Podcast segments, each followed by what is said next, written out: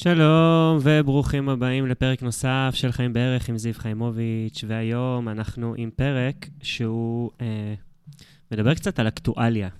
מדבר קצת על אקטואליה, אה, אני אתן פה איזה רקע קצת אה, אישי שלי, בהסתכלות שלי על כל המצב אה, שאופף אותנו כרגע בארץ. אנחנו נמצאים בעיניי באחת התקופות המאתגרות וה... נקרא לזה, בעלות אפשרות פיצוץ מאוד גדולות שעברנו אה, כעם, כמדינה. אני לא מחדש פה לאף אחד, כולנו מבינים את הנפיצות של הדבר הזה. וכתבתי על זה, אגב, לא מעט, בהרבה הרבה מוקדים, אם זה בפייסבוק או באינסטגרם דיברתי על זה, או כל מה שיש לנו היום ברשתות החברתיות. אז אני לא הולך להיכנס פה לאג'נדה בפודקאסט הזה, זה לא אני, אני גם לא עשיתי את זה באותן רשתות, אני כן אבל רוצה לדבר רגע על המקום הזה, שמדבר על איפה, איך אנחנו בכלל יכולים לעבור משברים גדולים בין אנשים, ו... ואיך אפשר לעבור קדימה, להתקדם קדימה. אז ברור לי ש... אני מקווה אולי שאחד כן יצליח, אבל אני בספק אם מישהו מהפוליטיקאים שמובילים אותנו אה, לאבדון או לא לאבדון, נשמע את זה.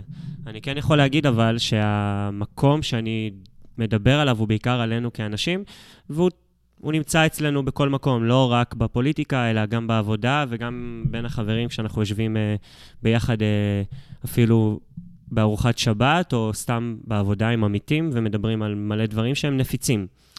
וזה יכול להיות, אגב, גם uh, בין, uh, בינינו ההורים לילדים, שיש בינינו חוסר הסכמות. זה קורה הרבה פעמים בגיל ההתבגרות, שילד מביע את דעתו, אולי בפעמים הראשונות בחייו, כשהוא מביע את דעתו בצורה מאוד מאוד חזקה, ואנחנו כהורים לא נסכים איתו. ואנחנו רוצים גם uh, הרבה פעמים להטיל עליו את uh, יכולות הווטו שלנו כהורים, uh, ועד איפה יכולות הווטו האלו בכלל קיימות. על כל זה אנחנו נדבר עכשיו בפרק, ואני רוצה, לפני שאני אצלול לאיך עושים את ה... איך מנהלים את המשבר הזה, כי הפרק הזה בגדול מדבר על ניהול משברים בין אנשים. Uh, בעיקר לדבר על ההבדל בין ל... לשמוע ללהקשיב.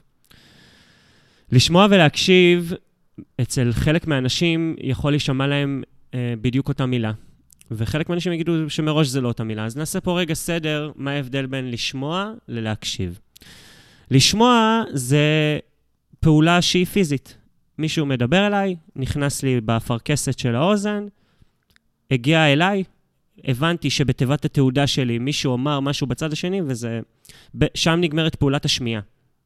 להקשיב, זה בדיוק השלב שקורה מרגע שסיימנו לשמוע, או תוך כדי שאנחנו שומעים.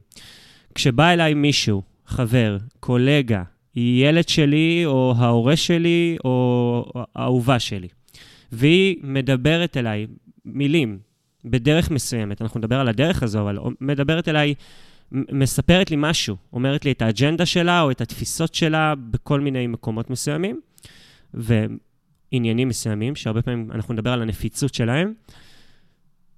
ברגע שזה נכנס לאפרכסת, אני בוחר האם אני מקשיב לה או לא. כשאני אומר מקשיב, זה לא עושה את מה שהיא אומרת, אלא מבין שמה שהיא אומרת דורש את היכולת שלי אה, להעמיק במה שהיא אמרה, ולהבין שמולי עומדת מישהי עם דעה מסוימת, ולהתקדם עם זה קדימה. אז יש הבדל בין לשמוע ללהקשיב, לצערי, ואתם תשמעו את זה, שאני חוזר על זה הרבה פעמים בפרק הזה, לצערי, אחת הבעיות שלנו בחברה הישראלית ובכלל, זה שאנחנו אומרים, אני שומע אותך, אבל אני לא מקשיב לך. בתכלס, אני לא, כמעט ולא מקשיב לאדם שמולי. הדבר הבא ש, שמוביל אותנו בעקבות הדבר הזה, זה נניח שמעתי והקשבתי. הקשבתי לאדם שעומד מולי, אבל מה שהוא אמר לי, הוא לא תואם את תפיסות העולם שלי, הוא לא תואם את האמונות שלי, הוא לא תואם את כל מה שאני הולך איתו. Uh, ואני במרבית המקרים הרבה פעמים שומע, uh, ומקשיב אגב, אבל שומע אנשים אומרים, uh, כן אבל, נכון אבל. המילה הזאת, אבל, היא, היא בעייתית. ואני נותן רגע איזה כלי בשיח שלנו. כשאני אומר אבל על משהו ש, שמישהו אמר לי, אני יכול אפילו להגיד לפני כן, אני מסכים, אבל ברגע שהצמדתי את המילה אבל, לאדם שמולי, שלפני רגע אמר את האג'נדה שלי, הוא כרגע חווה ביטול. וכשהוא חווה ביטול, הוא אוטומטי, רף ההתנגדות שלו למה שאני הולך להגיד לו מנגד או כנגד למה שהוא אמר, אה, קפץ פי עשרות מונים. מהסיבה הפשוטה שאני כביכול הסכמתי איתו במרכאות, אבל, כמו שאני אומר את זה עכשיו, חכה, יש לי משהו יותר טוב להגיד. יש לי משהו הרבה יותר גדול, משהו הרבה יותר איכותי, משהו הרבה יותר חזק, תן לי גם להשמיע את הדברים שלי. עכשיו, ברמת השיח וברמת ה debate בינינו, יש לנו את העניין הזה, שבא ואומר, זה נכון, יש לנו, לי יש את האמת שלי ואני גם רוצה להשמיע אותה. אבל ברגע שאני אומר אבל, אני, במקום שאני שומע את זה ובמקום שאני גם משמיע את זה לאדם מולי, אני קצת ביטלתי אותו. ולכן אני רוצה רגע לדבר על מה זה אמת ומהי, ומהי אמונה, באלף, יצא לי אמונה בה'. מהי אמת? אמת, מעטים המקרים בחיים שבעולם התפיסות של האמונה ישנה אמת אחת. אולי ישמעו את זה אנשים דתיים, לא משנה לי אם זה אנשי אה, הדת היהודית, הנוצרית, המוסלמית או וואטאבר, שיגידו לי שאני טועה, וברור לי שזה נתון לוויכוח פה, ועל זה אגב נבנית האמונה. אבל התפיסה שלי לגבי אמונה היא שאמונה אומרת ב- בוודאות מוחלטת שזה משהו שאני לא רואה בצורה ודאית. זאת אומרת, אם הילד שלי עכשיו אוכל גלידה, אני יכול להגיד, אתה אוכל גלידה. אני לא מאמין שהוא אוכל גלידה, אני רואה אותו אוכל גלידה, זה משהו ממשי, ודאי, הוא אוכל גלידה. אבל כשאדם אומר, אני חושב שיקרה משהו, או אני פוחד שיקרה משהו, וזה לא ודאי, אין בזה את 100% הצדק המיידי שאני רואה בעיניים, זה יכול להיות מוכח מחקרית, או זה יכול להיות מוכח אה, עם, עם, עם, נקרא לזה, אה, משהו פורנזי שאני רואה מול העיניים שלי, זה אוטומטי, זה אוטומטי אה, יושב על מקום של אמונה. וברגע שאני מדבר על סל אמונות, אפילו על המשבר שאנחנו כרגע מדברים עליו פה בישראל, לכל מה שקשור לחקיקה המשפטית או המהפכה המשפטית, כל אחד ישים את עצמו על המפה. לאיך הוא תופס אפילו את המילה הזאת, תבינו גם על מה אני מדבר. אין לנו פה משהו שהוא מוכח אה, ודאי, לא מצד ימין ולא מצד שמאל. גם פה יש מצב שאנשים, כנראה שאנשים לא יסכימו איתי, אבל אני לא מוכיח שום דבר, הרי זה עוד לא קרה. אה, אנשים מביעים בעיקר את החשש שלהם, הם מאמינים שזה יוביל אותנו לת... לצד רע מאוד או לצד טוב מאוד ושהוא נצרך, אבל זה סל אמונות. וברגע שאני אומר על אמת מסוימת, שהיא אמת ודאית, אבל היא לא ודאית בתכלס, אלא זה יושב על סל ערכים ואמונות שלי, אוטומטי האמת היא לא אמת אחת. למה חשוב להבין את העניין הזה של אמת אחת? כי ברגע שאני נכנס לאיזה ויכוח או לאיזה משבר מול אדם שיושב מולי, אני לא יכול לבוא ולהגיד לו על האמת שלו, שהיא נשתתת או מושתתת על אמונה מסוימת, שהיא שקר, או שזו אמת לא נכונה. אני לא יכול לבטל אותו. עכשיו, תבינו, אני בתכלס יכול לעשות מה שבא לי. וזה אגב, לצערי, מה שקורה, כי באים אנשים עם אג'נדות מסוימות, עם אמונות מסוימות, ושוטחים את זה בפני האנשים שמנגד, והם מבטלים אותם, כי בסל הערכים והאמונות שלהם זה לא נופל על אותו מקום. וברגע שאני מבטל אותו, אז יש לנו פה התנגשות, וברגע שיש לנו התנגשות, אנחנו גם לא שומעים ולא מקשיבים, ואז גם יש לנו פה בעיה בשיח. אחת הבעיות שיש לנו כרגע בין הימין והשמאל, או בין מתנגדי הרפורמה או ההפיכה, לבין תומכיה, זה, ש... זה שאין פה את השיח שאנחנו באמת רוצים שיקרה. נזרקה באוויר כמה פעמים המילה הידברות, אבל אין באמת הידברות, כי אין שיח, אין הקשבה, אין מקום שמחבק את הפחדים אלו של אלו. ואחת הבעיות שמוליכות אותנו תמיד לפיצוצים, זה שאנחנו לא מאזינים ולא מקשיבים לפחד של האדם שמולי. אני מחזיר אתכם לפרק הפחדים, אף אחד לא מתקף את הפחד הזה. זאת אומרת, באים האנשים שמתנגדים להפיכה או לרפורמה, אני כל פעם חוזר על עצמי המילים האלה, כי אני, אני מהחשש שאנשים שישמעו אותי אומר רפורמה ולא הפיכה, או הפיכה ולא רפורמה, יתנגדו לזה, אז תנתקו רגע את, ההתנג, את ההתנגדות לזה ותקשיבו לזה עד הסוף. אחת, אחת הבעיות של זה, זה שאלו ואלו לא רואים את הפחדים שקיימים. אלו ואלו לא מתקפים את הפחדים, לא מתקפים את הצורך שבגינו אותו אדם מחזיק את סל האמונות. ובואו נחזור רגע ונסיט את זה רגע מהשיח ה... אה, שקורה כרגע בישראל, וניקח את זה אפילו לעולם החינוך שלנו עם הילדים. בא אה, הילד שלנו ורוצה לעשות איזה מעשה מסוים, רוצה אה, ללכת לעשות קעקוע, רוצה לעשות עגיל, רוצה לעזוב את בית הספר, כי הוא מאמין שאם הוא יעשה את הדבר הזה, יהיה לו ביטחון יותר גבוה, הוא יצליח יותר, או כל דבר אחר. אנחנו כהורים, באג'נדה שלנו, נתנגד לזה, כי זה לא תואם את עולם האמונות והתפיסות והערכים שלנו כהורים. ואז אנחנו, יש לנו פה שני דברים. א', כהורים, יש לנו את, את, את יכולת הווטו. יש הורים שפחות מאמינים בכלי הזה, יש הורים שיותר משתמשים בכלי הזה, אבל יש לנו כהורים את יכולת הווטו, כי הילד הוא, אנחנו אפוטרופוס שלו עד גיל 18 לפחות, ואנחנו יכולים לבוא ולתת לו את ההכתבה של מה יקרה ומה לא יקרה, ומתוך הדבר הזה אנחנו יכולים להגיד לו זה יקרה וזה לא יקרה ולהטיל וטו. אבל אם אנחנו רגע רוצים לייצר שיח, ובאמת שהוא ישמע אותנו ואנחנו נשמע אותו ונקשיב לו והוא יקשיב לנו, אנחנו צריכים לבוא ולתת תוקף גם לסל הערכים שלו, ואנחנו צריכים להביע אחד כנגד השני את הפחדים ולתקף את הפחדים. ואם ילד מפחד שאם הוא לא יעשה משהו, יקרה לו משהו, אם הוא לא יעשה עגיל, הוא לא יהיה מקובל בחברה, אם הוא לא יעזוב את בית הספר, הוא לא יצליח בבגרויות שלו, כאלו וכאלה. ואנחנו מאמינים שאם הוא יעשה קעקוע, הוא יתחרט עליו. או אם הוא יעשה קעקוע בציבור הדתי, הוא משחית את האמונות הדתיות שלו. או אם הוא יעזוב את בית הספר, הוא לא יצליח לעשות בגרויות, אז אנחנו מביעים את החשש שלנו. ואם הילד לא יחבק את החשש שלנו, ואנחנו לא נלמד אותו מגיל צעיר לחבק חשש ולתקף את החששות שלנו, ואנחנו לא נראה לו מנגד שאנחנו מתקפים ומחבקים את החששות שלו, אז הוויכוח הזה הוא יהיה קר. ואז הרבה פעמים הורים פשוט מגיעים לנקודת האל-חזור הזאת והם פשוט מטילים וטו. ואז קורה דבר מסוים, הרבה פעמים בגיל ההתבגרות. אותו ילד שהטילו עליו וטו ואמרו לו, לא, אתה לא עושה, ולא הקשיבו לו, ולא דיברו איתו, ולא דבררו אותו, ולא שמעו אותו, ולא חיבקו אותו, ולא אמרו לו, אני מסכים, אני לחלוטין מסכים עם האמונות שלך, ואני מבין את המקום הזה. לא מסכים כי אני מסכים בהכרח על מה שאתה מאמין, אבל אני מבין את מה שאתה חושב, ואני מחבק את זה, ואני מתקף את זה, ואני רוצה שאתה תחשוב, ואני רוצה שאתה תאמין באמונות שלך ותתפתח ותהיה אדם גדול חושב. ברגע שאנחנו מטילים את הווטו ואמרנו לו לא, מהרגע הראשון, ולא הקשבנו לו, ולא תיקפנו לו גם את הפחדים שלנו, והוא תיקף את שלו, אז המקום הזה של הווטו בעיקר יקטין אותו עכשיו, ובהמשך, בהמשך המאוד מאוד לא רחוק הרבה פעמים, הבעיטה שאנחנו נקבל מאותו נער מתבגר, תהיה הרבה יותר חזקה, ואז ההפיכה תהיה הרבה יותר גדולה. ואנחנו הרבה פעמים חוזים את זה בין מבוגרים, בין הורים לילדים, שיש לנו שם נקודות פיצוץ מאוד מאוד גדולות, כי אנחנו לא מצליחים להתכנס למקום הזה שיש בו שיח אמיתי, מחבק, כנה, ומבין חששות וקשיים ואמונות האחד של השני, ואז אנחנו גדלים ותראו איך נראית החברה שלנו. אז רגע בואו נדבר על איך, על איך עושים את זה, כבר דיברתי על זה רגע ככה תוך כדי, אבל יש לזה באמת כמה שלבים.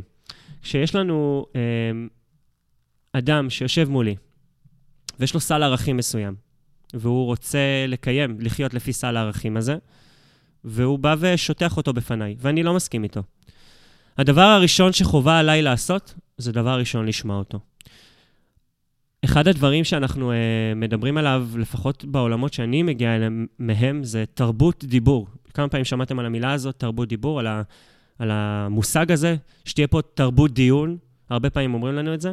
אבל אני רוצה רגע להעלות את זה ולדבר על תרבות דיון והקשבה. כש, כי כשיושב מולי אדם, ואני נותן לו לדבר, ואני לא נכנס לו באמצע הדברים, אבל אני לא הקשבתי לו, אז, אז, אז, אז כביכול הייתה פה תרבות דיור, אבל לא הייתה פה תרבות דיון ותרבות הקשבה. כי ברגע שיש לי תרבות הקשבה, אני שמעתי אותו, אני הקשבתי אותו, אני הקשבתי לו, ואני רוצה להתייחס לדברים שהוא אמר מתוך נקודת המבט והראות שלי.